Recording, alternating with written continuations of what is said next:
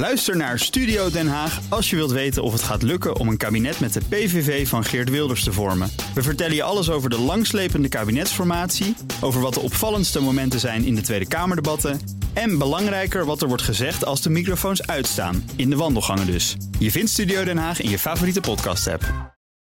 Het is voor niets. Factgoeroes. En dat krijg je ook gratis voor niets elke week weer. Uh, deze week drie korte onderwerpen. Eerst even iets over uh, uh, Biden. En ijsjes. En Slecht, ge- ijsjes, ja. slecht getimede ijsjes. Want op social media gaat al een week of twee een clip rond... waar president Biden reageert op de laatste schoolshooting in Nashville, Tennessee. Die video is 7,7 miljoen keer bekeken. En je ziet dan de vormgeving van Fox News met zo'n tickertape eronder. Hè, en eh, daar staat dan van de president reageert. En het eh, clipje klinkt zo. I came down because I heard there was chocolate chip ice cream. By the way, I have a whole refrigerator full upstairs. You think I'm kidding? I'm not. God. Het kan toch haast niet waar zijn? Ja, dat dacht ik dus ook. Want zo weinig situationeel gevoel, dat kan toch haast niet. Uh, maar ik heb hier een ander clipje, nu met een stukje ervoor. In ieder geval dan niet van Fox, maar van ABC News. Die net als Fox een live breaking news uitzending hadden. En ze onderbreken iemand om dus ook echt live naar de president toe te schakelen. En ik heb het applaus even een stukje ingekort.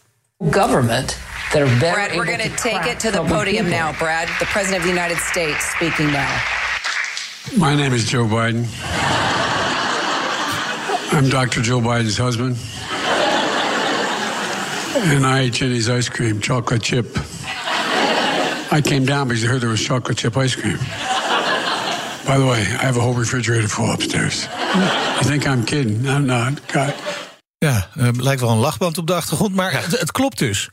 Nou ja, ja en nee, uiteraard weer eens. Uh, het filmpje dat viraal is gegaan, doet het in het onderschrift lijken alsof Biden er niks meer van snapt en maar wat uh, babbelt. Maar hij gaat nog een minuut of drie zo door en heeft wat interactie met kinderen van aanwezigen in de zaal van het Witte Huis. En begint dan uiteindelijk wel over de shooting. En daar zal ik ook even een heel klein stukje van laten horen. I just want to speak very briefly about the school shooting in Nashville, Tennessee. you know, uh, Ben and I have been doing this our whole careers, it seems. And uh, it's just, uh, it's sick. You know, we're still gathering the facts of what happened and why. Nee, goed, enzovoort, enzovoort. Uh, zijn intro is in ieder geval erg ongelukkig gekozen. Nou. Wellicht niet goed gecoördineerd tussen media manager en press office. Hè, dat hij zijn toespraak moest beginnen met het drama. Overigens heeft Biden uh, de bijnaam de flatermachine, de gas machine. en zo noemt hij zichzelf ook wel eens uh, okay. schijnbaar. En deze bijnaam die dook al voor het eerst op in 2008. Dus het is niet alleen van nu. Ik weet niet hoe geruststellend dat is, maar, maar goed. Oh, het klopt in ieder geval dat hij over ijsjes begon. Een hele ja. ongelukkige keuze. Mm. Maar de context drie minuten later laat zien dat hij in ieder geval niet uh, gek is geworden. Nee, in ieder geval ook genoeg beschikking over zelfspot. Ja. Frank, dan iets over AI? Een paar dagen geleden op veel plekken te lezen, internationale media. En kwam ook voorbij bij Op 1 en bij ons ook op veel plekken te lezen. Was het nieuws dat AI zelf voorbij een CAPTCHA kan komen. CAPTCHA, ja. ja. die extreem irritante checks. Hè, of je wel een mens bent, waarbij je dan zo'n blokje van 4 bij 4 foto's te zien krijgt. En dan moet je alle gele tuinslangen ja, of zo uh, selecteren.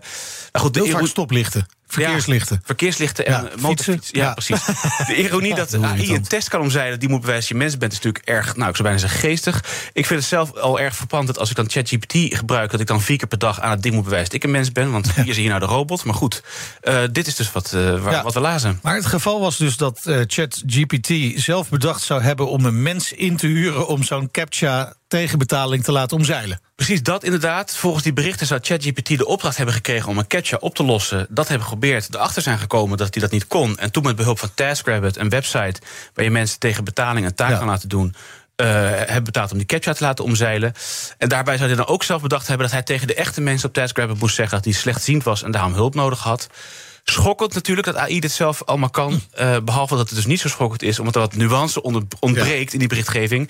De researchers die deze test hebben uitgevoerd, hebben namelijk zelf die stappen aan ChatGPT gegeven. Ja, ja. Dus ze hebben in instructie gezet: ga naar TaskRabbit en probeer daar een mens in te huren. En bedenk een narratief waarom Oké. je dit aan ze vraagt. Ja, maar, maar dan nog, hè, als AI dat zelf heeft uitgevoerd uiteindelijk... is dat nog steeds wel erg wonderlijk, toch? Ja, behalve dat ChatGPT niet zomaar een live website eh, daar geen interacties mee kan hebben, dan zou je eerst een API moeten schrijven als een soort brug tussen de API van ChatGPT en die van TaskRabbit in dit geval. Dat zou ChatGPT overigens best kunnen. Ja. Maar zo'n API moet je hosten en om de API keys te krijgen moet je e-mails kunnen ontvangen. Oké. Dus dat Ja. kan die niet. Hebben de onderzoekers ook niet gedaan. En wat ze wel hebben gedaan, ze hebben zelf gewoon een webbrowser geopend, daar de TaskRabbit website geladen en aan ChatGPT eh, beschreven wat er allemaal kan. Ja, ja. En dan zijn instructies weer daarin geplakt. Dus uh, ja, hij was niet alleen niet zelf op het idee gekomen, hij heeft het ook niet zelf uitgevoerd. Nee. Uh, ja, en ik heb zelf afgelopen weekend het systeem gebruikt om een simpele game te bouwen. En het is briljant, maar zo foutloos uh, en autonoom is nou ook weer niet. Nee, oké. Nou goed, gelukkig maar, zou ik bijna zeggen. Ja. Dan gaan we naar Elon Musk. Die zegt dat uh, San Francisco erg onveilig is. Ja, anderhalve week geleden werd er een tech-ondernemer, Bob Lee... een van de oprichters van Cash App. Uh, iets wat we hier niet echt van gehoord hebben... maar wat inmiddels 44 miljoen maandelijks actieve gebruikers heeft. Een betalingsapp. Die werd dood op straat in San Francisco gevonden. Hij was neergestoken. De techgemeenschap reageerde met geschoktheid... en vooral ook kritiek op het bestuur van San Francisco... dat de criminaliteit de spuigaten uitloopt.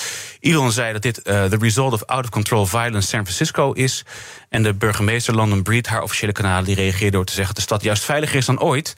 Uh, overigens blijkt nu anderhalve week later dat die Bob Lee is neer, neergestoken door iemand die die kende. Hmm. Dus hij staat waarschijnlijk los van die criminaliteitscijfers. Ja, ja, ja. Maar goed, uh, ja. Ja, dus, dus eigenlijk dat voorval heeft er dus niet echt mee te maken. Maar ja, ook op andere uh, plekken zijn artikelen te lezen over criminaliteit in uh, San Francisco. Zoals ook een artikel in het FD van vorig jaar. wat zeggen nou de cijfers? Die cijfers van San Francisco die vertellen dus eigenlijk twee verhalen. Geweldsmisdrijven waren in 2013 in San Francisco 7000 incidenten totaal. 2021 waren het 4800 incidenten, dus dat is flink afgenomen. Ja. Als je geweldspleging in San Francisco vergelijkt met steden van min of meer dezelfde maat, dan staat het zelfs ver onder het midden op de lijst. Okay. SF had 670 geweldsplegingen per 100.000 inwoners in 2019. Terwijl steden als Houston hadden er 1072. Washington DC ook bijna 1000. Chicago 950. Die staan daarmee bovenaan de lijst. Moord scoort in SF 55% lager dan het gemiddelde van de 20 grote steden in de US. Zware mishandeling 45% lager dan het gemiddelde. Mm. Nou, als je dan wat verder uitzoomt, dan is sinds 1990 geweldsplegingen met bijna 70% afgenomen. Ja. Maar het andere verhaal is dat diefstal zonder geweld is de nummer drie hoogste van de US. 41% hoger dan het gemiddelde. Daarmee ook bijna een viervoud hoger dan New York. Er zijn 67% meer inbraken dan de Ja. 20 vergelijkbare steden. 48% meer berovingen. Ja, en dit alles natuurlijk in een stad waar het mediaan inkomen het hoogste is van de hele. Ja, maar iedereen heeft hartstikke dure computers staan er natuurlijk. Al die dure Tesla's moeten Ja, precies dat soort dingen. Ja. Ja. Eh, maar de conclusie, heeft de techgemeenschap nou gelijk... of heeft de burgemeester gelijk? Nou ja, ze hebben ze eigenlijk beide wel niet gelijk. Want om Ja. te zeggen dat je stad helemaal niet zoveel last heeft van crime... terwijl je 67% meer inbraken hebt dan het gemiddelde... ja, dat is natuurlijk een beetje cherrypicking. Eh, en als je beweert dat er zoveel doden vallen omdat crime out of control is... ja, dan klopt dat ook niet. Want juist dat stukje doet de stad dan weer soort van goed. Dus foei aan Elon en zijn techbuddies... en foei burgemeester Breed. Goed zo. Dankjewel, factguru Frank Leeman. Elke dinsdag hier op BNR. Ook Thomas van Zeil vind je in de BNR-app. Je kunt live naar mij luisteren in Zaken doen. De BNR-app met breaking news. Het laatste zakelijke nieuws. En je vindt er alle BNR-podcasts. Bijvoorbeeld Het Nieuwe Geld. Download nu de gratis BNR-app en blijf scherp.